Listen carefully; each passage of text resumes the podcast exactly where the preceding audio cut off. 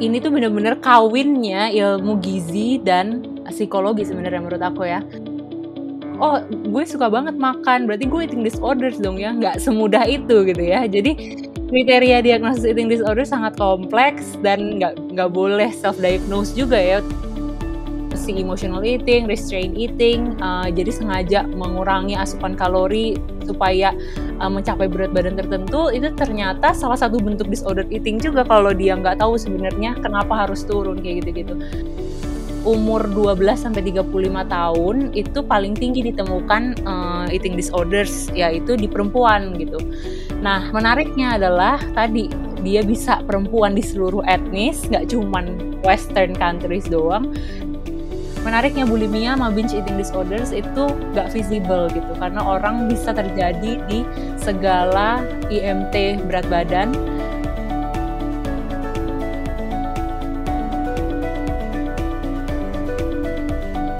Halo semuanya, selamat datang lagi di podcast Sehat Seutuhnya season yang kedua bersama saya Will Yonas.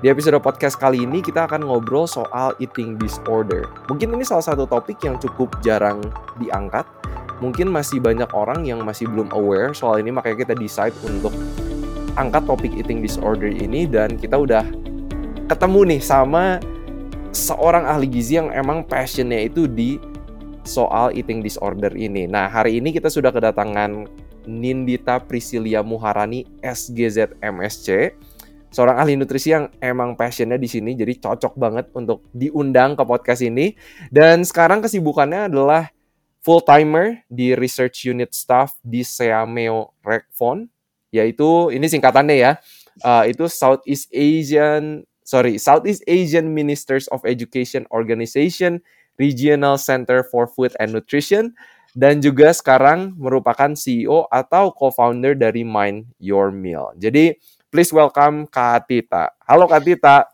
Halo Willy, selamat sore ya. Sekarang kita lagi recording ini sore nih. Selamat sore harus yes. semuanya. Selamat sore. Thank you so much nih Kak Tita udah bersedia untuk diundang ke podcast Sehat Seutuhnya nih.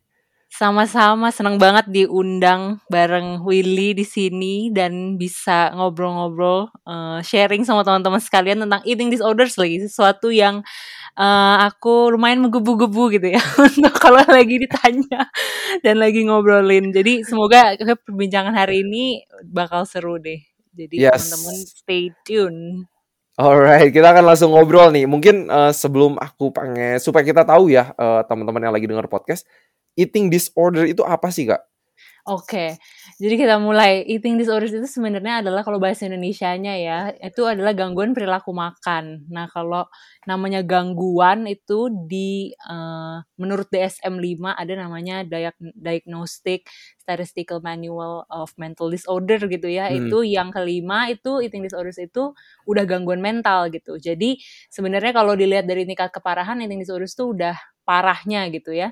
Jadi hmm. kalau ditanya apa sih eating disorders, kalau orang misalnya ada suka bercandaan tuh waktu itu sempat viral uh-huh. artis gitu yang ngomong ya kamu ini nih uh, oh gue suka banget makan berarti gue eating disorders dong ya nggak semudah itu gitu ya jadi okay. kriteria diagnosis eating disorder sangat kompleks dan nggak nggak boleh self diagnose juga ya teman-teman di sini tapi butuh untuk tahu nih ciri-cirinya kalau kita udah punya mulai ada mendekati gangguan kayak gimana. Nanti kita akan bahas lebih jauh.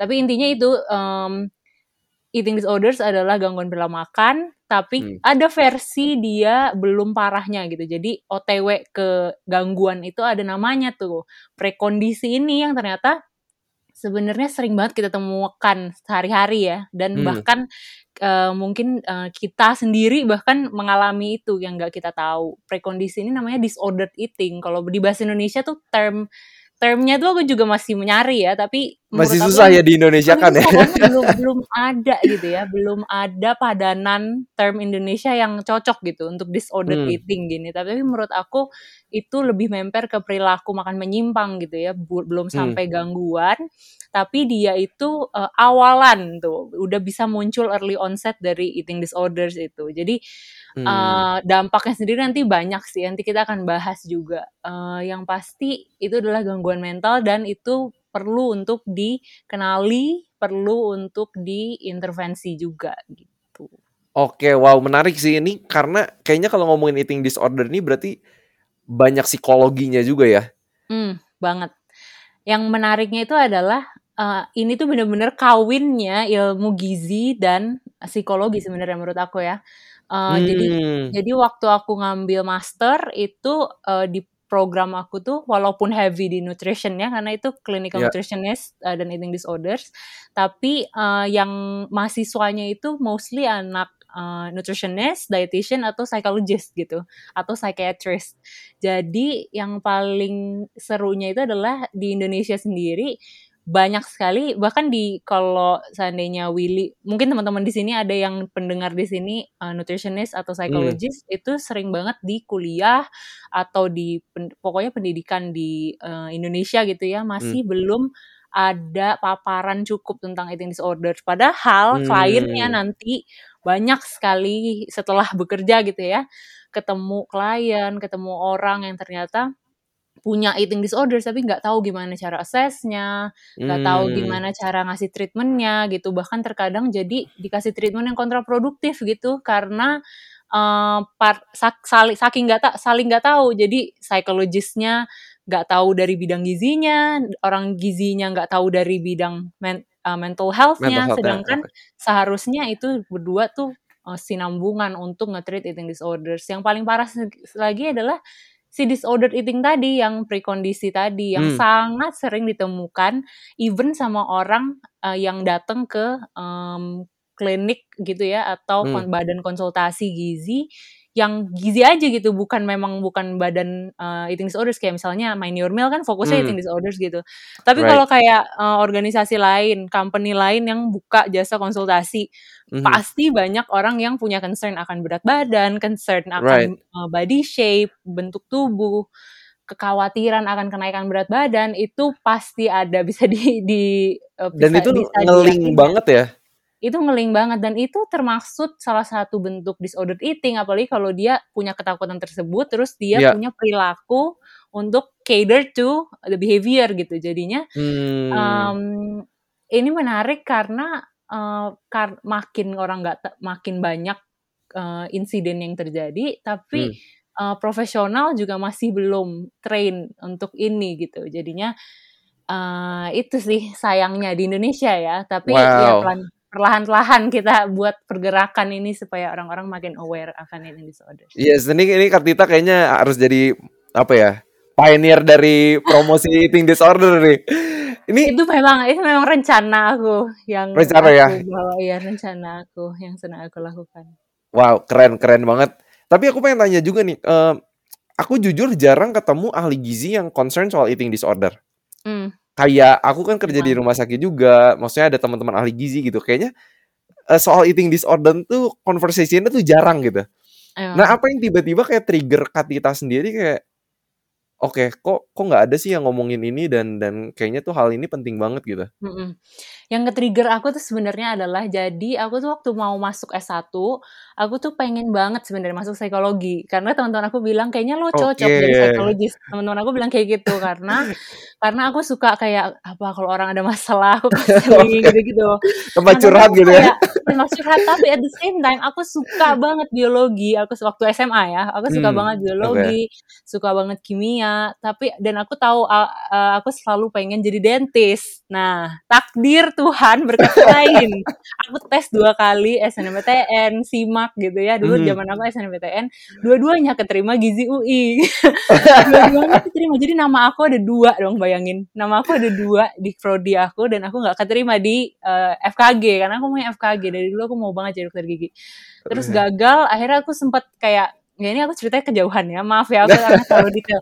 Jadi intinya intinya adalah ya long story short, aku jadinya harus belajar mencintai gizi kan.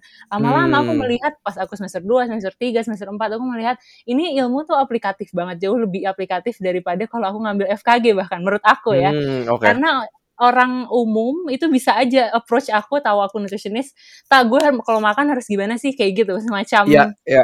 Dan semua orang pasti mau tahu gimana cara makan benar, gimana cara Mmm. hidup benar gitu. Jadi menurut aku ini tuh apa uh, mungkin udah jalan aku kali untuk kayak di sini. praktikal banget ya kayak ilmunya tuh. praktikal banget menurut aku dan itu apa mm, dan S1 aku juga di Gizi UI itu kan approach-nya public health ya, public Hmm. health nutrition. Jadinya uh, bener-bener dalam skala besar gitu. Aku melihat Hmm. itu dampaknya lebih besar daripada aku nggak uh, nggak undermine orang yang punya uh, apa ya klien individual karena aku pun juga nge-treat klien individual tapi uh, secara masif gitu kayak makanya tadi aku bilang aku suka ngajar dan segala macam karena Hmm. skalanya lebih besar gitu.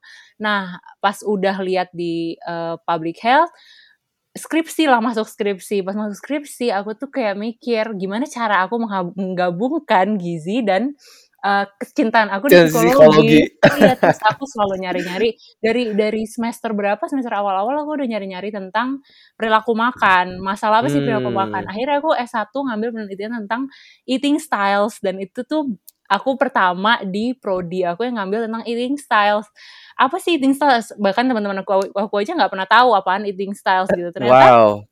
Itu salah satu contoh prekondisi tadi si disordered eating ada emotional Hmm. eating Ya. ada restrained eating Eh, yang lucunya tuh adalah eh, si emotional eating restrained eating eh, jadi sengaja mengurangi asupan kalori Hmm. Supaya eh, mencapai berat badan tertentu itu ternyata salah satu bentuk disordered eating juga kalau dia nggak tahu sebenarnya Hmm. kenapa harus turun kayak gitu-gitu nah segara-gara skripsi itu aku menarik aku ikut conference segala terus aku diskusi tentang itu sama pakar-pakar sekitar aku karena aku kan Hmm. ngasdos jadinya aku dikelilingi dosen-dosen gizi kan Iya. nah pas aku dikelilingi aku konsul-konsul itu mereka bilang ya memang belum ada sama sekali bahkan em, expertnya pun di kampusku di prodi aku itu belum Mhm. ada yang fokusnya di perilaku makan dan eating disorders yang bener-bener spesialisasinya aku cari di Indonesia nggak ada akhirnya aku kayak Wow. aku cari gimana caranya untuk aku belajar ini karena aku merasa there are so much uh, that we don't know about this tapi Hmm. uh, kayaknya harus kita pelajarin gitu karena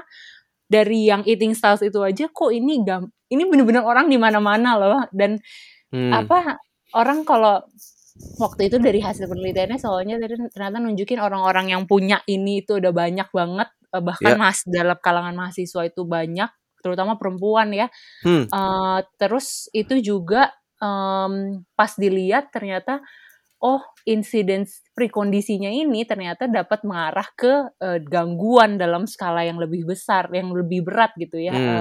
Em, apa udah severe gitu, bisa bisa Ya. sampai gangguan gitu. Nah, gimana caranya kita eh, identifikasi dini dan ngasih intervensi lebih dulu nih Hmm. sama orang-orang yang waktu masih di prekondisi ini.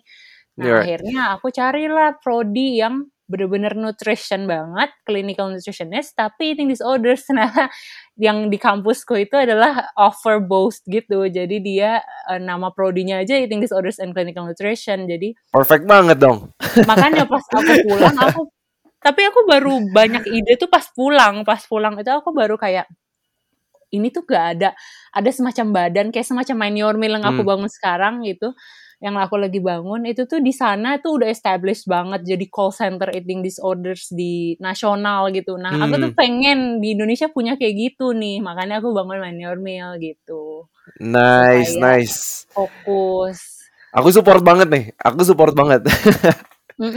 Jadinya Tadi gitu deh aku tadi eh, dengar eh, yang Kak Tita bilang bahwa kayaknya perempuan tuh lebih prone eh, lebih apa ya? Mungkin beresiko terhadap eating disorder ini gitu. Mm-mm. Kira-kira itu kenapa tuh, Kak? Oke, jadi sebenarnya nggak perempuan aja ya, semua semua bahkan kalau datanya yang dari UK, US itu tuh eh, bahkan prevalensi eating disorders itu nggak cuma di perempuan tapi transgender, gay, jadi segala macam gender. Terus eh, ada eh, segala macam etnis juga. Jadi kalau Hmm. zaman dulu tuh persepsinya persepsinya kalau eating disorders tuh cuman orang bule doang yang punya gitu. Oke. Ternyata orang di sekitar kita pun itu bisa punya disordered eating, tapi memang Hmm. pada nggak tahu aja sebenarnya disordered eating kayak apa gitu. Nah, eh, ternyata tapi memang data di American Psychiatric Association itu nunjukin kalau umur 12 sampai 35 tahun itu paling tinggi ditemukan eh, eating disorders yaitu di perempuan gitu. Nah, Oke. menariknya adalah tadi dia bisa perempuan di seluruh etnis, nggak Aha. cuman Western countries doang, dan eh, perempuan yang uh, ternyata umur seaku pun gitu, misalnya uh, late twenties, 35 pun itu tuh masih bisa gitu masih bisa kena Hmm. gitu. Bahkan banyak yang malah ngembangin itu dari remaja sampai dewasa, udah sampai severe and enduring gitu. Nah, Wow. ada juga ada juga yang sebenarnya yang paling memerhati yang memprihatinkan itu adalah early onset dari eating disorders atau disorder eating tadi itu Mhm. bisa mulai semuda 8 sampai 9 tahun, bayangin. Umur Wow, 9 buset tahun muda anak banget. Muda banget. Jadi bayangin uh, jadi sebenarnya kalau dibilang kenapa tadi pertanyaannya adalah kenapa perempuan gitu ya. Ya. Mungkin kalau secara sosialnya kan perempuan memang uh, cenderung lebih apa ya, ada tuntutan lebih tinggi untuk menjaga berat badan, untuk Hmm. memenuhi beauty standard dan itu Ya. kan memang bener-bener apa ya, culturally culturally embedded banget gitu ya Ya. di uh, masyarakat kehidupan masyarakat kita sampai akhirnya terbentuklah ada namanya diet culture gitu. Diet culture itu sebenarnya skopnya luas banget uh, bisa Hmm. sampai ngebuat orang semua apa ya semua kegiatan atau praktik yang memang mengarah pada mempromosikan atau mengglorifikasi bentuk badan yang lean atau yang Hmm. lebih Right. kurus itu tuh sudah bisa dibilang itu diet culture. Jadi makanya kayak diet kronik berlebihan Hmm. uh, tanpa mendengarkan apa maunya tubuh, apa um, tanpa mendengarkan sinyal lapar dan sinyal kenyang dari tubuh, tapi Hmm. merespon apa sinyal dari lingkungan yang uh, bilang oh ini baik ini buruk, ini baik ini buruk. Dia jadi ngikutin makanannya karena persepsi yang dibentuk oleh masyarakat. Nah itu sebenarnya itu Hmm. dibilang diet culture. Jadi bukan Nah based on knowledge gizi gitu kan? Iya, benar. Nah, itu perempuan sering banget jadi korban itu. Apalagi kalau dipromote sama nggak cuman itu doang ya. Jadi kayak Hmm. em, faktor risikonya memang kompleks gitu. Etiologinya tuh ada psychologist, eh, ada masalah psikologis, ada masalah biologis, ada Hmm. masalah sociocultural juga bisa. Jadi dia at the same time dia lagi merasakan transisi gitu dari kehidupannya, Hmm. misalnya kehilangan orang terdekat, terus Right. ada transisi dari SMP SMA gitu atau Hmm. S transisi baru masuk kuliah atau adaptasi baru pindah S2 keluar gitu dia Hmm. harus latihan adaptasi sendiri kayak gitu misalnya. Kayak cari Itu identitas gitu juga ya? iya cari identitas itu mungkin. Makanya kenapa ternyata prevalensi dari eating disorders itu sebenarnya paling tinggi sama anak remaja gitu.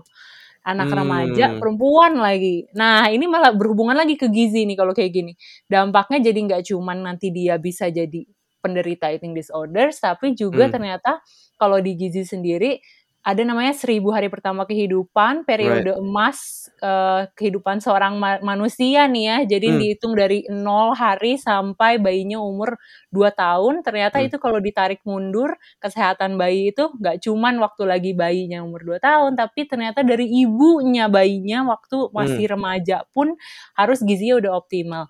Sedangkan kalau ibu remaja punya disordered eating, eating Hmm. disorders, terus dia ada malnutrisi, terus dia either underweight atau obesity atau Hmm. overweight gitu. Jadi dia hamilnya kurang optimal, misalnya ada komplikasi kehamilan, terus Ya. ada kemungkinan resiko keguguran dan segala macamnya atau eh, apa gizi maternalnya kurang optimal, itu Hmm. ternyata akan mengarah ke risiko stunting atau bahkan perkembangan kognitif anak yang kurang maksimal gitu. Jadi ini Hmm. ke mana-mana. Nah itu salah satu contoh aja. Dampak lainnya masih banyak lagi sebenarnya kalau untuk ibunya Wow. sendiri. Iya Itu, jadinya itu kayaknya gitu. menarik banget ya kayak kalau kita ngomongin kesehatan generasi selanjutnya, ini bisa jadi salah satu pengaruhnya ketika ibunya itu mengalami eating disorder ketika remaja gitu ya. Iya, itu itu ada satu, bahkan itu ada satu matkulnya sendiri tuh waktu itu. Karena Wow. kayak apa? Mother with eating disorders gitu judulnya. Hmm. Karena karena ibu dengan eating disorders itu dampaknya ke mana-mana gitu. Nah makanya Wow. kenapa kita mau selain mau menghindari itu juga ada lagi nih yang lain pertumbuhan remaja sendiri. Remaja itu kan sebenarnya periode kedua ya, periode emas kedua di Mhm. kehidupan seseorang gitu di di life cycle seseorang. Hmm. Nah di saat growth spurt-nya itu tidak didukung dengan gizi optimal juga, waktu Hmm. dia lagi mengalami puber itu kan sangat vulnerable. Jadi masa pubertas itu adalah masa vulnerable untuk dia ter terekspos eh, dari faktor Hmm. risiko eating disorders gitu.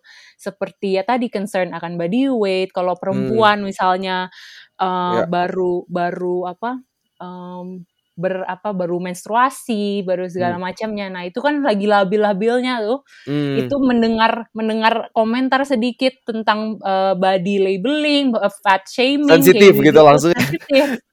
Nah, right. Nah, itu langsung berpengaruh sama cara dia makan, cara dia memilih makan, cara hmm. dia apa olahraga. Jadi dia punya perilaku-perilaku tertentu untuk ya tadi menurunkan berat badan, hmm. untuk uh, memaksa menurunkan, tapi malah pas dia lagi berusaha menurunkan, terkadang ada kompensasi tertentu sampai dia memuntahkan kembali maka wow. makanannya itu bisa dimuntahkan, bisa juga abis dia meng, uh, abis dia merestriksi asupan kalorinya, dia tiba-tiba hmm. di tengah-tengah eh, nggak uh, kuat karena dia terlalu punya banyak food rules gitu aturan-aturan makanan okay. yang terlalu strict sampai dia stres akhirnya dia ngambil satu momen di mana dia overeating gitu makan tanpa hmm. kontrol makan berlebihan sampai dia stres banget setelahnya menyesal karena udah ya. binge eating atau makan terlalu berlebihan. Jadi guilty, guilty Jadi banget guilty. gitu habis makan tuh ya. Nah, nah guilt nah, level guiltnya itu yang beda-beda. Itu tuh yang menarik. Wow. Oke, ini ini kayaknya sebelum kita deep dive uh, ke situ, aku pengen mungkin buat teman-teman yang lagi denger podcast supaya tahu nih, eating disorder itu uh, macamnya ada apa aja sih? Hmm. Tadi kayaknya uh, kakak udah sempat mention dikit tapi mungkin boleh di mention deh. Iya, iya. Nah, oke okay, karena pertanyaan itu nyambung juga sih sama yang sebelumnya ya. Karena hmm. si uh, eating disorder sendiri kan tadi ada uh, tingkatannya ya. Ada yang uh, prekondisi, ya. ada yeah. yang uh, full syndrome, full syndrome, ada yang severe and enduring. Severe and hmm. enduring itu yang udah tingkat parah dan udah endured selama bertahun-tahun lebih di atas 2 sampai 3 tahun gitu, di sampai 5 tahun. Hmm. Nah, uh, kalau dia sebenarnya terdeteksi dini waktu dia masih free condition aja gitu, hmm. itu sebenarnya waktu dia high risk, waktu dia tinggi resiko itu sebenarnya untuk dia intervensi untuk dia recover itu bisa uh, mencapai full recover dengan lebih mudah, jauh lebih mudah hmm. daripada kalau dia udah full syndrome gitu. Nah, sedangkan apalagi kalau severe and enduring kalau dia udah sampai 2 3 tahun punya eating hmm. disorders itu dia bisa bisa jadi seumur hidup dia hidup dengan eating disorders gitu karena wow. saking susahnya gitu. Jadi kemungkinan relapse sangat tinggi, kembali untuk kembali lagi itu sangat sulit tapi mungkin tapi hmm. sangat sulit apalagi dengan resources yang kurang kayak di Indonesia misalnya gitu. Nah, right. kalau di luar itu uh, treatment pathway-nya udah sangat jelas, uh, terus multidisciplinary approach-nya udah bagus banget di uh, primary care-nya gitu. Jadi hmm. gak cuman psychologist, dietitian sama uh, nutritionist, tapi ada uh, gynecologist, terus ada pediatrician, semuanya hmm. bahkan ada eating disorder ward sendiri, ada bangsal eating disorder sendiri yang memang benar-benar fokus banget nge-treat orang yang udah emergency di eating disorders. Nah, wow. makanya kenapa uh, artinya karena tadi ada tingkatan-tingkatan keparahan dari eating disorders jadinya hmm. uh, untuk ditanya kira-kira uh, eating disorders itu apa aja jadinya. Jadi sebenarnya yang di DSM-5 yang menurut uh, si statistical manual of eating disorders tadi itu, itu hmm. ternyata cuman nggak uh, nggak cuman full sindromnya aja. Nah, hmm. itu juga jadi perdebatan di UK gitu ya. Di UK itu karena artinya apakah yang high risk ini tidak deserve dapat treatment gitu. Kalau seandainya yang full syndrome aja yang baru dibilang eating disorders kebayang nggak? Hmm, Padahal yang high okay. risk, yang high risk itu juga sebenarnya deserve buat udah udah pantas terima treatment gitu. Nah, itu jadi perdebatan berat. Jadi eating disorder sendiri yang full syndrome tadi, yang mungkin teman-teman paling fam familiar gitu ya, hmm. anorexia nervosa, hmm. bulimia nervosa, binge eating disorders mungkin yang hmm. udah pernah dengar uh, anoreksia nervosa, tapi ternyata lebih dari itu masih banyak lagi. Ada namanya PICA, hmm. ada namanya rumination disorder, ada namanya uh, other specified eating or feeding uh, disorder kayak gitu. Jadi hmm. maksudnya adalah jadi ternyata ada eating disorders yang uh, apa uh, dia kriterianya seperti anoreksia, bulimia, sama binge eating, tapi frekuensi atau periodenya tuh lebih sedikit daripada dia anoreksia nervosa full gitu atau okay. dia lebih sedikit daripada bulimia nervosa full. Contohnya adalah misalnya OSFET tadi yang other specified feeding uh, or eating disorders itu adalah hmm. contohnya misalnya kalau bulimia itu dia uh, ada perilaku uh, menurunkan berat badan, uh, Uh-huh. perilaku yang harus menurunkan berat badan, tapi ternyata uh, dia itu malah melakukan kompensasi karena dia nggak tahan. Jadi jadi maksudnya dia itu tetap makan. Kalau Mhm. anoreksia kan full bener-bener uh, under eating gitu ya. Iya. Jadi dia bener-bener nggak ada nggak ada ma- makannya nggak cukup gitu. Makanya kenapa Oke. anoreksia itu sangat visible. Jadi Hmm. yang ini yang perlu jadi kunci juga adalah eating disorders itu uh, tidak selalu visible. Jadi orang-orang bilang mungkin orang kurus itu adalah oh dia mungkin anoreksia. Well, kind of make make sense sebenarnya meskipun kita Mhm. nggak boleh bikin judgmental akan bentuk badan orang Sebelum didiagnosa gitu juga ya. iya, tapi tapi memang eating disorder itu sebenarnya visible karena dia um, IMT-nya tuh sampai di bawah 15 itu Wow, bisa. di bawah Iya, 15. di bawah 15, di bawah 17 itu udah masuk.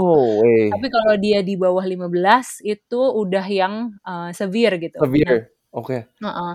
Nah, uh, terus ada yang di bawah 13 juga sampai bener-bener Wow. pokoknya udah parah gitu. Nah, Kak Tita pernah ketemu gak tuh sama pasien-pasien kayak gitu? waktu di UK iya. Nah, waktu di sini agak susah sih. Aku belum pernah di Oh. sini. eh, Aku belum di sini belum pernah yang sampai 13. Aku pernah yang 15. Aku pernah di sini 15.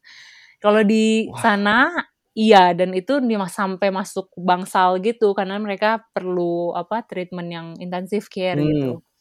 Nah, eh, yang serunya itu adalah kalau anoreksia, meskipun ini ini nggak bisa yang nggak dari aku omongin aja, jadi detailnya Hmm. adalah sangat sangat kompleks sebenarnya. Iya. Tapi yang pasti ciri utamanya dia itu eh, menahan atau restriksi food intake dengan sangat apa ya, dengan sangat eh, bagaimanapun cara dia lakukan sampai ekstrim banget gitu, sampai eh, dia ketakutan dengan sangat akan kenaikan berat badan, biasanya Wow. sangat Jadi takut sama makanan juga gak sih jatuhnya takut ya? sama makanan juga jadinya terkadang dia juga terobsesi banget sama makanan jadi dia 20 24/7 itu di pikirannya isinya makanan aja karena dia Wow. under eating jadi ter- karena dia under eating jadi dia mikirin makanan terus kan nah itu most likely terus eh, dia punya ketakutan berlebihannya ketakutan banget sampai Hmm.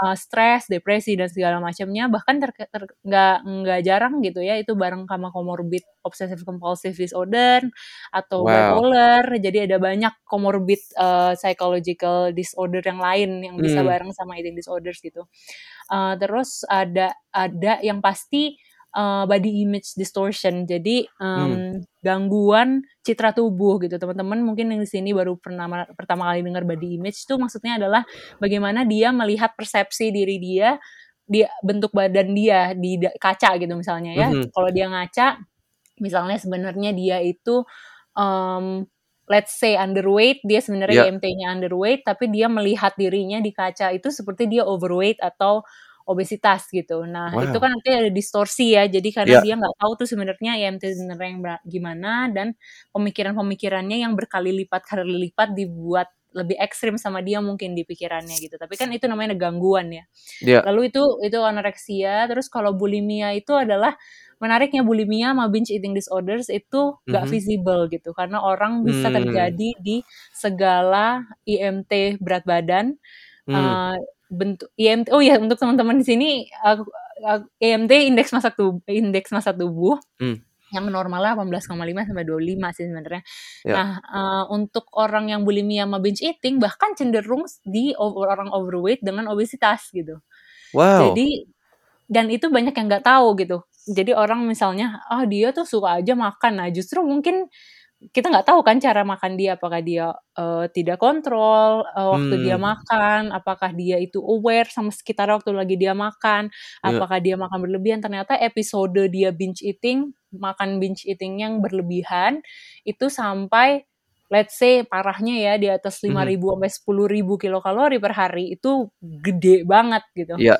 Itu gede banget Kalau nah, tanpa olahraga ya, waduh udah pasti naik berat badan gitu kan? gede banget dan itu udah pasti kalau tiba-tiba dia makan ke segitu artinya kan dia artinya nggak mendengar udah nggak bisa lagi tuh denger uh, hormon leptin dia ya, hormon yang ngingetin kita kalau kita udah kenyang. Kenyang-kenyang gitu ya. Iya, jadi dia udah hmm. uh, udah lost gitu ya, sinyal Hmm. lapar, sinyal kenyangnya semacam udah lost, jadinya uh, jadi dia nggak tahu kapan dia harus berhenti karena dia kebiasaan nggak mendengarkan tubuhnya gitu kalau lagi makan. Hmm. Nah, itu binge eating, nah tapi saat udah berepisode-episode jadi binge eating disorders. Nah, kalau yang bulimia tadi, binge eating diikuti oleh kompensasi yaitu dengan memuntahkan, either memuntahkan atau dengan minum laksatif. Jadi dikeluarkan Hmm. pencahar gitu. Ya. Kayak gitu untuk gambarannya. Nah, Wow, gila juga ya. sangat ini ya, apa memprihatinkan gitu. Aku Iya. ini menarik sih waktu aku belajar ini di Gizi. em, aku pernah abis belajar ini terus aku ke toilet gitu ya. Terus aku ke Aha. toilet, terus adalah eh, seorang rekan sejawat waktu itu yang aku dengar dari luar tuh kayak memuntahkan gitu. Terus aku bingung, Mhm. oh my god, ini kan yang aku pelajarin tadi gitu. Nah, Iya. situ eh ternyata selidik demi sedikit eh, selidik ternyata benarlah dia bulimia gitu ya. Hmm. Eh, jadi intinya adalah anak kesehatan pun ini bisa terjadi sama anak Hmm. kesehatan gitu. Bahkan anak anak gizi pun gitu ya. Iya. Banyak sekali teman-teman aku di eating disorders and clinical nutrition di program aku itu yang survivor eating disorders.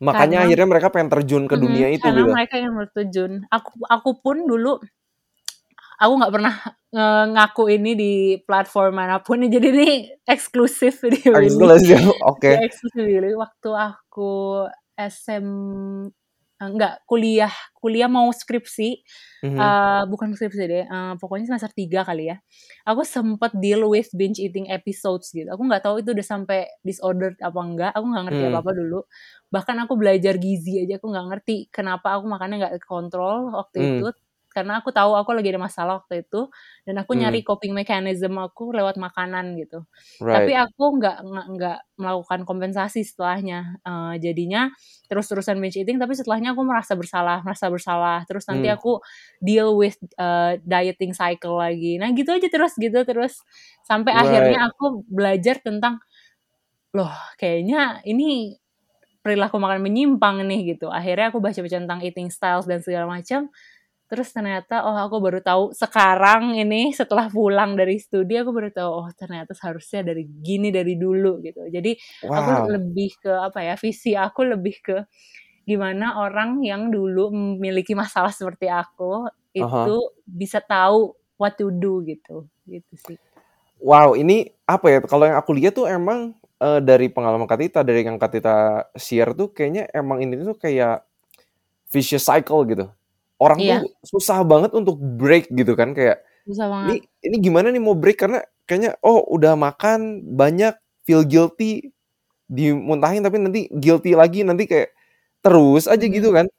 Dan ini gimana nih Kak cara cara ngebreaknya gitu? Mhm. Kayak kalau kayak Katita eh, nggak tahu mungkin bisa share dari pengalaman sendiri atau mungkin juga dari tips gimana sih kalau ngebreaknya tuh gimana gitu? Mhm. Jadi sebenarnya eh, ini juga masih apa ya berkembang banget ya di Hmm. Indonesia tuh sulit banget sebenarnya kalau dibilang chronic dieting budaya chronic dietnya di Indonesia itu di Ya. sini chronic diet maksudnya adalah diet perilaku diet kronik gitu ya jadi maksudnya constantly hungry Ad- nggak mungkin Willy punya teman-teman di sekitar Willy atau bahkan orang-orang terdekat Willy gitu ya, yang Hmm. bahkan eh, selalu lapar gitu selalu diet gitu omongan tentang eh, gue lagi diet nih gue deal with gue ngikutin tren diet yang ini nih Hmm. itu atau gue lagi ngikutin olahraga ini itu Hmm. gitu itu kan dia eh, ngikutin tren gitu yang ada, ada Ya. nah itu sebenarnya kan itu yang tadi aku sempat mention di awal itu adalah diet culture sebenarnya Ya. jadi budaya diet ini yang glorifikasi bentuk badan kurus gitu nah Hmm. eh, terkadang orang juga mau bentuk badan tertentu gitu buat ngikutin idolanya padahal sebenarnya ge- genetik apa tuh pola hidup semuanya Ya. durasi tidur gitu Hmm. seseorang itu sangat menentukan belum tentu beda-beda semua eh, metabolisme tubuhnya jadi Hmm. bahkan kalau kita orang satu dunia makan dan olahraganya sama persis itu Efeknya beda. kita akan tetap berbeda gitu iya jadi Nah itu kayaknya ada fakta yang harus masuk ke otak nggak sih? Benar, jadi intinya memang ada dua pendekatannya, yaitu pendekatan ya edukasi, mengedukasi diri, Hmm. memberdayakan diri untuk belajar tentang gizi sebenarnya itu kayak Ya. gimana sih, terus bentuk tubuh, pers memperbaiki persepsi bentuk tubuh dan segala macam. Tapi ada namanya approach uh, secara lebih komprehensif namanya intuitive eating. Jadi Oke. ini bukan bukan fat diet atau apa yang promote uh, temporary weight loss atau apa Hmm. gitu, tapi ini adalah uh, revolutionary kalau aku bilang revolutionary approach yang ngebuat orang tuh ditch chronic dieting forever gitu loh. Jadi gimana Oke. caranya selamanya seseorang itu nggak usah deal with diet kronik lagi dan benar-benar mendengarkan secara intuisi kebutuhan tubuhnya. Jadi Hmm. kebutuhan tubuhnya dari segi makannya harus berapa banyak, kapan dia harus berhenti, gimana cara Hmm. makan dia, gimana cara dia harus memilih makanan. Itu semuanya dia pilih secara intuisi. Tapi sebelum dia bisa punya ap- menerapkan intuitive eating ini, dia harus mengedukasi dulu dirinya tentang gimana sih makanan sehat bergizi seimbang tuh kayak gimana dan segala Ya. macam. Setelah itu tahu, baru bisa diterapkan. Tapi untuk menerapkan ini juga ada beberapa populasi yang memang belum dapat menerapkan. Contohnya adalah Hmm. uh, intuitive eating itu sebenarnya udah sangat di uh, udah kita lakukan dan kita uh, terapkan waktu kita kecil semuanya. Jadi waktu kita bayi bayangin kalau kita lagi nggak mau makan kan kita pasti ngejauhin Iya, iya, makanannya iya, gitu iya, ya. betul. Secara secara natural, secara intuisi gitu. Hmm. Nah, terus kalau kita lapar langsung nangis, minta makan. Nah, sebenarnya itu semua bisa termaintain sampai sekarang kalau kita nggak ada persepsi-persepsi yang kita tumbuhkan selama kita tumbuh. Terus kita Oke. diminta untuk, oke, kamu nggak boleh makan yang ini karena makanan ini Hmm. buruk, karena makanan ini berdosa. Kamu Ya. pilih makanan ini karena makanan ini guilt free. Seharusnya uh, there's no apa ya? no food is off limits gitu. Jadi Mhm. seharusnya semua makanan itu memang guilt free gitu. Seharu- Mhm. Seharusnya semua makan itu bisa secara bebas kita makan makanan yang kita mau gitu. Tapi Hmm. pendekatan intuitive eating ini yang sering disalahartikan itu adalah pendekatan yang promote obesity. Nah, itu salah banget gitu karena pendekatan intuitive eating ini justru mau mendengarkan sebenarnya tubuhnya mau apa dan Hmm. ternyata at the end of the day uh, udah mulai clinical trials-nya lagi berkembang ini tapi Ya. pokoknya ada udah ada dietitian uh, expert yang uh, di US ini ya yang punya uh, ribuan klien dengan dia terapkan pendekatan ini ternyata uh, Hmm. pendekatan ini itu kalau diterapkan dalam waktu yang jangka panjang ternyata sustainability-nya itu lebih terjamin gitu daripada Hmm. orang yang uh, kontrol weight uh, uh, weight gain ah dia ngontrol berat badannya dengan malah sengaja untuk restriksi food intake gitu jadi gimana Hmm. caranya kita tetap menikmati hidup nih Ya. makan dan tetap mencapai satisfactory factor gitu nah Hmm. yang yang menariknya adalah selama ini orang makan itu nggak mencari kepuasan lagi Willy jadi sekarang orang itu kalau makan yang penting gue memenuhi 1200 kalau gue udah Bener memenuhi banget. gue berhenti karena itu karena the doctor on TV told me so gitu. Jadi Ya. bukan karena mendengar sebenarnya dia butuhnya berapa. Sedangkan kalau Mhm. kita belajar di gizi ya, angka kecukupan gizi seorang dewasa gitu, Hmm.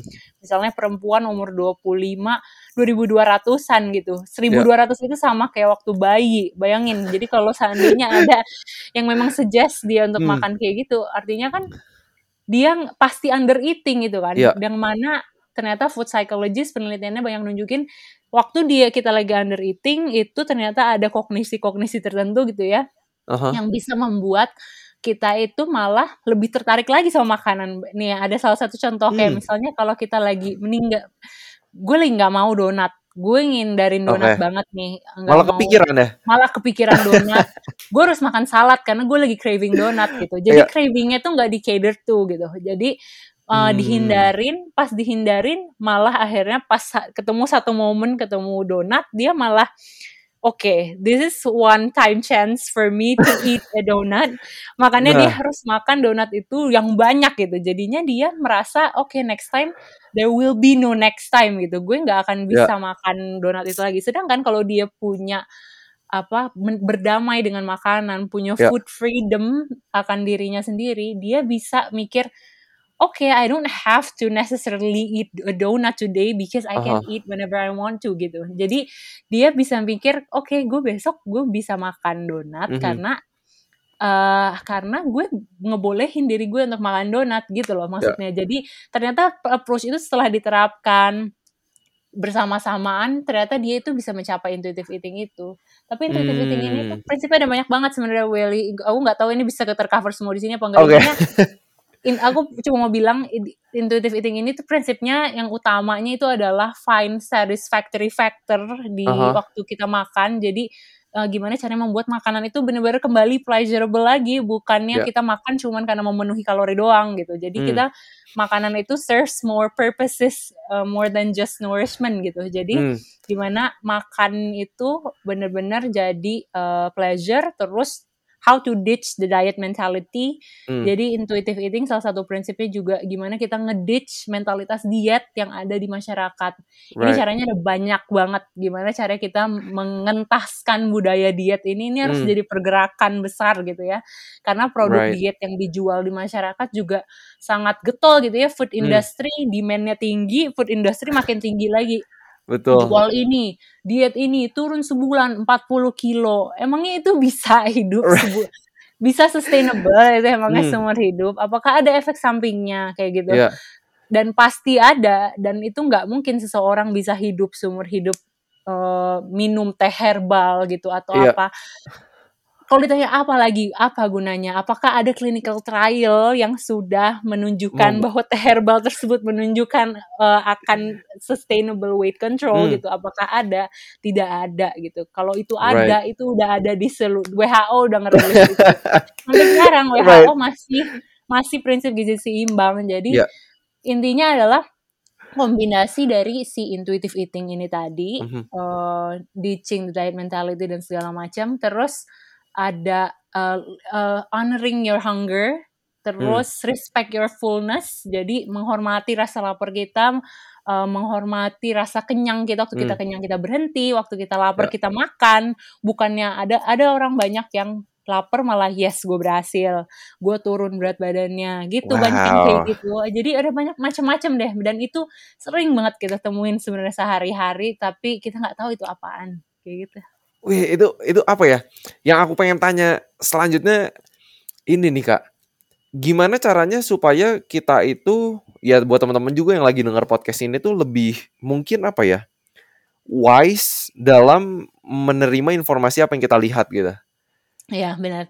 Nah, oh iya tadi ada satu satu prinsip lagi sebenarnya yang lumayan sangat sangat menarik dan sangat mengetuk uh -huh. hati orang-orang biasanya itu namanya um, challenge the food police gitu. Jadi maksudnya okay. adalah di food police itu atau bahasa Indonesia-nya polisi makanan. Jadi polisi uh -huh. makanan di otak kita di mana kita tuh ngelarang kita untuk makan makanan ini, uh mhm. -huh. makan makanan itu, terus kita bilang makanan ini guilt free, makanan ini uh mhm. -huh. sinful, makanan ini dirty, ini ini dirty eating, ini clean eating padahal yeah. the ya. only dirty eating itu adalah kalau kita makan tanah gitu ya. Jadi kalau jadi clean eating itu adalah makanan yang dicuci kayak gitu. Jadi mulai hilangkan tuh apa labeling uh, makanan tuh di label ya makanan tuh di ya. label ya. jadi membuat kalau misalnya nih ada orang yang sensitif banget dan dia udah punya high risk untuk dia mengembangkan eating disorders terus dia dibilangin sama temennya dia lagi mau makan uh, gorengan misalnya yang membuat rasa nyaman dia gitu mungkin dia lagi hmm. ada masalah mungkin aja terus dia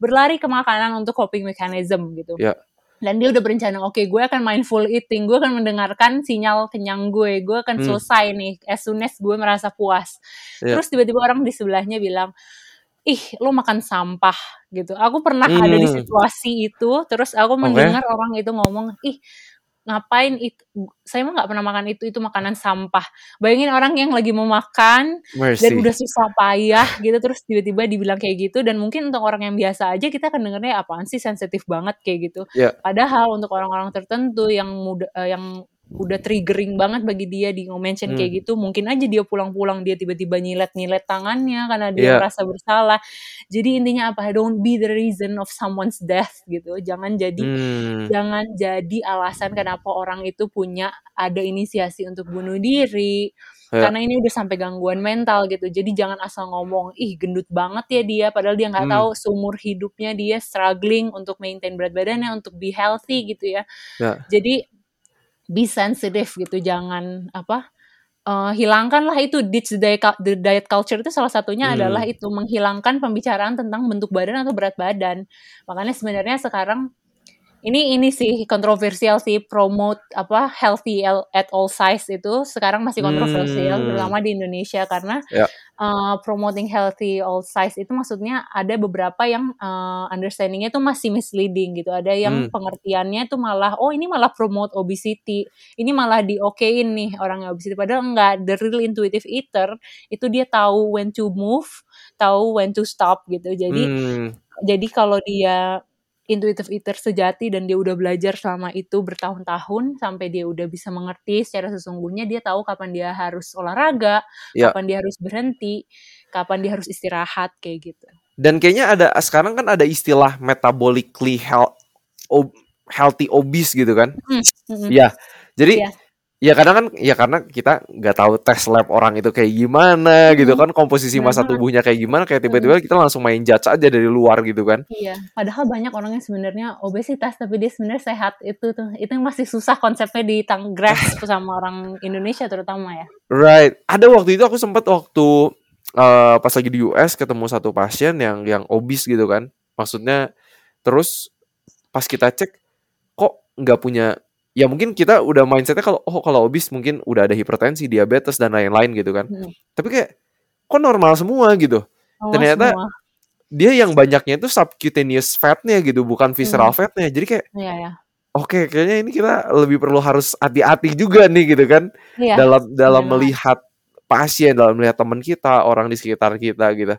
Bener banget banget makan makanya sebenarnya indeks massa tubuh itu bukan jadi sole apa ya determin eh, determinan gitu ya kalau Iya. kita mau nunjukin ini orang sehat apa enggak gitu.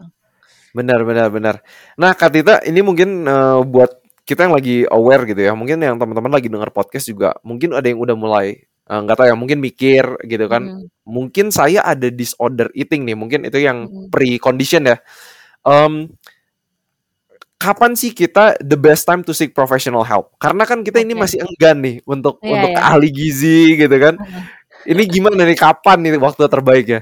Sebenarnya ada red flag-nya sih. Red flag-nya adalah di saat udah misalnya di saat bener-bener mikirin terobsesi sama angka sa- angka either itu timbangan atau kalori makanan yang terobsesi sangat mengganggu hidup ya Hmm, gitu sampai ya. Sampai bener-bener mengganggu pikiran tuh isinya makanan doang sama timbangan gitu. Nah, Hmm. itu itu bisa jadi red flag. Terus red flag lain itu adalah kalau em, memuntahkan makanan dengan Hmm. sengaja bukan karena mual atau GERD atau apa, tapi Ya. dengan segala percobaan memasukkan tangan ke dalam tenggorokan atau Hmm. dengan penggaris atau bahkan banyak eh, orang yang sudah terbiasa memuntahkan makanan sampai dia nggak Hmm. perlu lagi diapa-apain tinggal itu aja refleksnya langsung keluar gitu. Dan Wow. ternyata eh, itu itu bisa jadi red flag kalau misalnya Hmm. seminggu tiga kali itu kayak gitu selama tiga bulan itu sangat red flag jadi Hmm. harus cari bantuan terus menggunakan eh, engage with physical activity yang ekstrim jadi Hmm. melakukan aktivitas akti- aktivitas fisik yang ekstrim misalnya olahraga intensitas berat eh, sedang sampai berat eh, misalnya 4 sampai 5 jam per hari gitu Wow. tiap hari Aha. atau atau bahkan eh, sedang aja tapi sehari berapa kali ya tiga Hmm. kali lebih tapi harus wajib terus kalau dilewatin stres banget sampai Hmm. super guilty itu butuh cari bantuan terus Hmm. em, untuk ada lagi adalah kalau makan makan berlebihan tidak terkontrol sampai sa- orang-orang di sekitar kita tuh eh, di saat yang sama itu di situasi yang sama makan sangat berbeda sama kita sama yang kita makan gitu jadi Hmm. maksudnya jadi maksudnya misalnya lagi dinner keluarga yang Ya. lain makannya segitu terus kita misalnya observe makanan orang lain Ya. terus kita melihat oh orang lain makannya nggak sebanyak gue gitu misalnya Hmm. terus eh, itu bisa jadi salah satu red flag juga karena Hmm. ada kemungkinan dia ternyata makan eh, uncontrollable eating gitu jadi binge Ya. eater gitu ada lagi red flag lain itu bisa kalau dia punya ketak eh, punya em, punya pemikiran dia itu kurus banget padahal Hmm. orang-orang sekitarnya bilang dia itu normal nah itu bisa jadi red flag Right. jadi itu banyak juga tuh kayaknya. Ya, itu artinya ada distorsi citra tubuhnya. Itu Iya. itu butuh uh, bantuan. Apalagi Hmm. kalau udah uh, dia misalnya oh ini penurunan ini juga red flag lain adalah penurunan berat badan drastis selama Aha. waktu sebulan atau tiga bulan itu eh eh, sebulan itu drastis tan eh, dengan tanpa sad disadari ya Hmm. eh, selama sebanyak setidaknya 7 kilo 7 kilo sebulan. Jadi kayak Hmm. misalnya nih kalau misalnya nih ya aku bilang, "Oh aku olahraga tiap hari, aku Ya. turun jadi 7 kilo di akhir bulan." Sebenarnya wajar-wajar aja ya karena Hmm. misalnya tadinya aku nggak olahraga tiap hari gitu, jadinya Iya. karena olahraga rajin jadi 7 turun 7 kilo. Hmm. Oke wajar-wajar aja, tapi kita juga harus explore lagi apa yang kita lakukan, eee, selain olahraga ini. Apakah kita eating enough juga? Apakah kita Hmm. asupan makanannya juga enough? Karena banyak yang penderita eating disorders udah olahraga gitu sengaja nggak makan juga, jadi nggak ada energi Wow. untuk recover-nya. Yang ini yang menarik banget adalah ternyata pas aku belajar ternyata bukan eating disorders yang menyebabkan malnutrisi aja, tapi ternyata malnutrisi juga bisa menyebabkan, mmm, gangguan mental yang lain. Jadi kayak misalnya Hmm. di saat seseorang under eating, Ya. di saat seorang under eating ini makanya kenapa diet kronik nih seharusnya nggak dilakukan karena di saat seorang under eating dalam waktu, eee, yang pan eee, kronik gitu ya, dalam waktu Hmm. panjang, itu dia ternyata, eee, ada penelitiannya brain imaging gitu, ternyata ada gangguan kognitif dari orang-orang yang under eat, Hmm. itu ternyata dia membuat dia itu jadi malah engage ke perilaku eating disorders gitu. Jadinya dia malah makin nggak mau makan, makin nggak ini, makin withdrawal, eee, di makin withdraw dirinya dari, eee, masyarakat gitu. Jadi Hmm. makin isolated, makin ini. Jadi ternyata nggak cuman gizi yang mau berhubungan dengan kesehatan mental, tapi kesehatan mental itu berhubungan dengan gizi juga gitu. Jadi Hmm. ternyata ini semua linking to one another gitu. Jadi kalau under eating itu bisa karena eating disorders, tapi bisa juga under eating-nya menyebabkan gangguan psikologisnya gitu. Hmm. Jadi makanya kenapa treatment profesional kalau orang punya eating disorders, yang di-treat itu adalah pola makannya dulu, eee, meskipun barengan sama behavior-nya ya, tapi Heeh. pola makan juga penting untuk diperbaikin karena tanpa, eee, asupan yang cukup dia nggak bisa mikir Mikir yang bener ya? iya, clearly karena asupan otak kan perlu kayak gitu.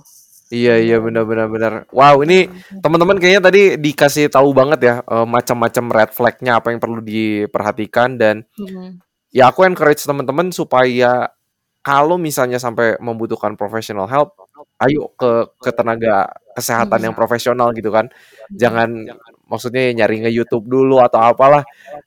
Ya Iya. nggak ya bener kan karena orang Iya kayaknya iya. seringnya kayak gitu. Malah ke ahli gizi ditunda-tunda gitu kan. Karena aku lihat sih kayak di Indonesia tuh belum ada kebiasaan orang tuh ke ahli gizi ya. Nah, karena aku hidup di antara kawanan kolega nutritionist, Iya. udah banyak sebenarnya platform Oh konsultasi makin gizi itu udah banyak. Nah, tapi masalahnya platform konsultasi gizi yang besar-besar pun itu tuh masih belum punya spesialisasi eating disorders-nya. Jadi banyak Mmm. Akhir-akhir ini My New Meal lagi ngisi, eee, workshop gitu buat, pra para profesional di, eee, badan konsultasi yang ternyata kebetulan itu CEO-nya adalah teman-teman aku juga dulu gitu. Jadinya Oke. jadinya ada kayak clinical supervision bareng gitu untuk par eee, para profesional belajar tentang bagaimana assess dan treat pasien dengan eating disorders bareng My New Meal gitu. Karena Mmm. karena ternyata, mmm, badan sebesar apa pun itu ya bisa balik lagi karena waktu lagi prodi S1, S2-nya di Indo masih belum ada gitu tentang eating disorders, yang mana wajar aja tapi, mmm, alangkah baiknya untuk konsultasi nutrition gitu, konsultasi gizi, Ya. konsultasi psikologis juga banyak orang yang punya eating disorders larinya ke psychologist juga banyak gitu. Itu Mmm. juga perlu untuk memberdayakan dirinya untuk belajar tentang bagaimana detect patient with eating disorders sama Mmm. nge-treat patient with eating disorders karena jangan sampai kontraproduktif. Ada satu contoh klien aku dulu, Ah hah. jadi dia jadi dia itu ke, eee, satu badan konsultasi yang terkenal banget di Indonesia, pokoknya besar banget. Mungkin teman-teman yang tahu ini, mungkin tahu kali ya kalau aku Mhm. tapi aku nggak mungkin mention tempatnya. Oke. Intinya ini salah satu konsul badan konsultasi gizi salah satu yang besar di Indo. Terus dia ke sana, dia punya masalah, dia, mmm, dia bulimia dia bulimia. Oke. Terus intinya karena masih minim ekspor di Indonesia dan bahkan, mmm, profesional nutrition sama psikologis yang masih belum terpapar akan eating disorder itu masih Hmm. banyak. Jadi waktu dia datang itu dia disuruh, "Oh, kamu terapin aja intuitive eating." Tadi aku belum sempat mention, Hmm. intuitive eating itu nggak bisa diterapkan sama orang yang udah punya eating disorders gitu. Hmm, Jadi karena intuitive intuisinya juga udah salah gitu kan. iya, Ya. udah udah ada gangguan jadi nggak bisa. Jadi dia harus di-treat dulu, ada bisa pakai CBT, bisa pakai Hmm. bisa pakai DBT, bisa pakai banyak approach yang lain untuk Hmm. behavior, tapi dia nggak bisa langsung nerapin intuitive eating, itu malah triggering eating disorders-nya gitu. Jadi Right. intuitive eating itu bisa dipakai sama orang normal, orang sehat yang ingin memperbaiki hubungannya dengan makanan. Mungkin Hmm. orang yang masih punya disordered eating ti level rendah gitu ya, Hmm. masih punya concern akan body weight tapi nggak nggak nggak concern-concern banget gitu. Jadi Ya. untuk cuman mau meng cuman mau bahagia aja, nah itu bisa. Mungkin kita-kita gini, kita bis itu bi Hmm. sangat aku anjurkan, eee, itu, mmm, belajar intuitive eating. Tapi Ya. kalau punya eee, karena salah satu prinsip intuitive eating juga ada food freedom, itu, Hmm. mmm, untuk orang yang punya penyakit metabolik, eee, penyakit ga gangguan metabolik gitu, Hmm. misalnya dia punya diabetes dan segala macam, itu kan harus Hmm. dibatasi, memang ada diet-diet tertentu ya. Ya. Nah tapi, eee, itu, eee, dia nggak bisa sepenuhnya food freedom kan. Nah Hmm. cuman dalam within diet recommendation dia, dia sebenarnya masih bisa menerapkan intuitive eating, tapi itu konsepnya akan lebih susah Hmm. lagi untuk dipahami. Jadi Ya. intinya untuk masyarakat umum tuh kalau bisa orang yang nggak punya eating disorder, nah sama orang yang lagi recovery dari eating disorders. Jadi dia udah Hmm. ditetapkan s seba sama profesionalnya, dia udah sembuh udah sembuh, sekarang Ya. tinggal maintain aja supaya nggak balik lagi ke Hmm. cy cycle yang dulu gitu. Nah dia belajar intuitive eating itu benar. Tapi kalau dia eating disorders terus kita suruh, "Kamu belajar aja intuitive eating," terus dia sendiri bukan intuitive eating counselor yang cuman, "Kamu belajar aja intuitive Iya eating," iya iya iya. asal aja gitu kan. Terus Gawat kayak juga nih, gawat. gawat banget, terus dia kayak, "Oke," gitu. Hmm. Dia seakan-akan gampang gitu, padahal intuitive eating sendiri tuh untuk seseorang rata-rata ya untuk Hmm. belajar bener-bener memahami konsepnya seluruhnya itu bisa 2 sampai 3 tahun gitu, lama banget. Dan itu Wow. juga dengan terapi yang intens gitu ya, apa Hmm. tuh, session yang intens sama, eee, counselor-nya gitu.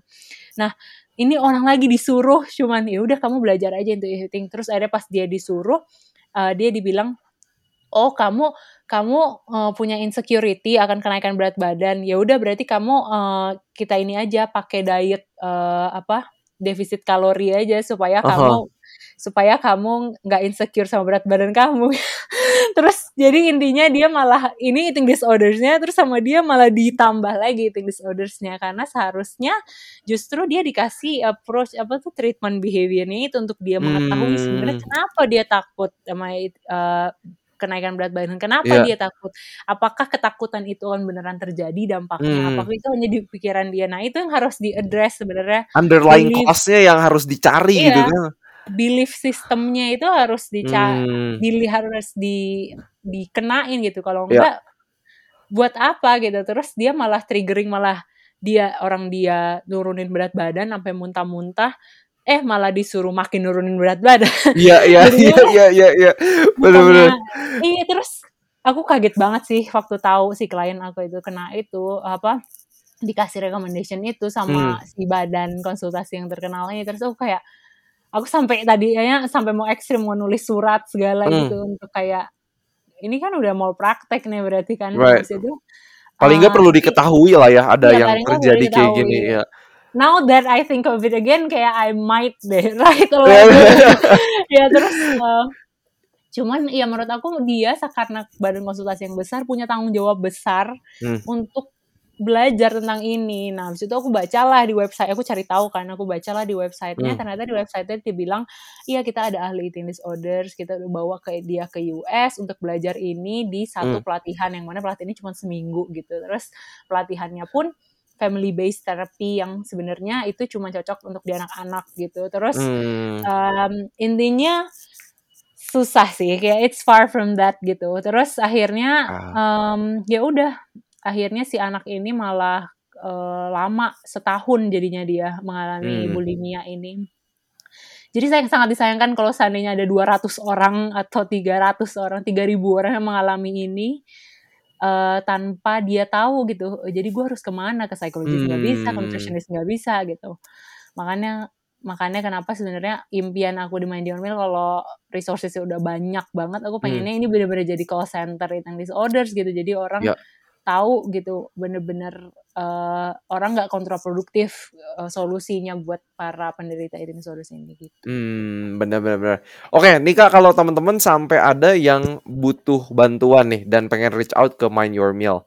Mungkin bisa diceritain dikit nih, Mind Your Meal itu eh, menyediakan apa aja dan Oke. bisa ditemukan eh, kontaknya, resourcesnya di mana tuh? Oke, jadi uh, Your Meal ini kan aku bangun tahun lalu, pertengahan tahun lalu sebenarnya ya. Nah, itu tuh awalnya aku pengennya cuman raise awareness doang gitu, educational Oke. platform sebenarnya. Uh, raise awareness tentang eating disorders ini, karena aku gemes banget ya, aku mau masukin ke kantor, aku masukin ke mana, itu tuh sebenarnya susah ya kalau sistemnya Hmm. udah udah apa ya, udah baku banget gitu ya untuk Ya. masukin approach baru tuh agak challenge terus aku mikir ah mendingan bikin sendiri gitu kan Hmm. akhirnya uh, aku sama teman-teman LPDP aku yang clinical psychologist Oke. gitu aku approach lah akhirnya kita meeting lama-lama akhirnya kita ya udah akhirnya kita bangun decided tuh bangun Mind Your Meal ini Hmm. awalnya itu adalah educational platform terus makin ke sini kita pengen ini jadi uh, badan uh, apa ya tempat uh, treatment eating Hmm. disorders yang memang evidence based gitu ya dan Ya. uh, solusinya memang yang kayak tadi aku bilang nggak kontraproduktif dan highlight utamanya adalah multidisciplinary itu karena Hmm. uh, badan konsultasi lain either dia psychologist doang atau dia nutritionist doang. Nah, sedangkan di Hmm. Mind Your Meal satu orang nanti akan ditreat oleh nutritionist yang spesialisnya di eating disorders dan Hmm. psych clinical psychologist uh, yang udah certified di uh, CBTE atau CB, Cognitive Behavioral Therapy Enhanced yang Hmm. merupakan salah satu approach terbaik untuk treatment eating disorders gitu. Jadinya aku pengen ini uh, establish gitu di Indonesia. Nah, memang uh, kendala utama sekarang itu adalah human resources yang mana harus ngelatih dulu kan teman-teman apa ya Hmm. uh, workshop bareng gitu sama Ya. profesional yang lain yang memang belum biasa terpapar sama eating disorders, Hmm. both dari psychologist sama nutritionistnya gitu ya supaya memang ja- jadi satu gitu uh, Hmm. setiap tiap treatmentnya. Nah itu uh, akhirnya kita perlahan-lahan ya kita kembangkan jadi teman-teman untuk yang butuh bantuan atau merasa dari tadi oh I can relate atau Iya. itu ternyata itu kalian gitu yang aku harap semoga enggak gitu ya atau bahkan kalian simply nggak punya eating disorders tapi kalian cuman pengen memperbaiki hubungan dengan makanan jadi Hmm. ternyata kalian selama ini punya mindset yang buruk tentang makanan punya concern yang terlalu berlebihan akan berat badan atau Hmm. uh, bentuk tubuh itu bisa reach out kita di Mind Your Meal ada uh, at mindyourmeal.id di Instagram. Terus bisa nanti bisa klik ada website kita juga mindyourmeal.org itu nanti bisa schedule terapi. Untuk session pertama uh, assessment hari pertama itu bisa free.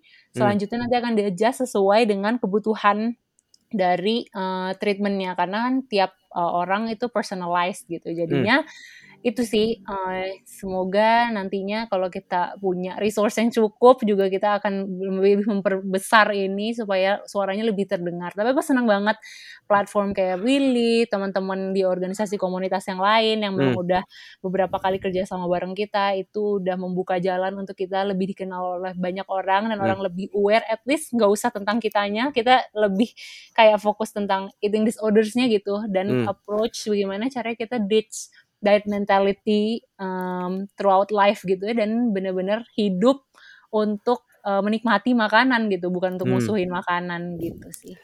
Oke, ini buat teman-teman nanti kita akan pasti akan langsung masukin em, informasi Mind Your Meal di deskripsi podcastnya. Jadi teman-teman gak, nggak usah khawatir, gampang banget untuk reach out.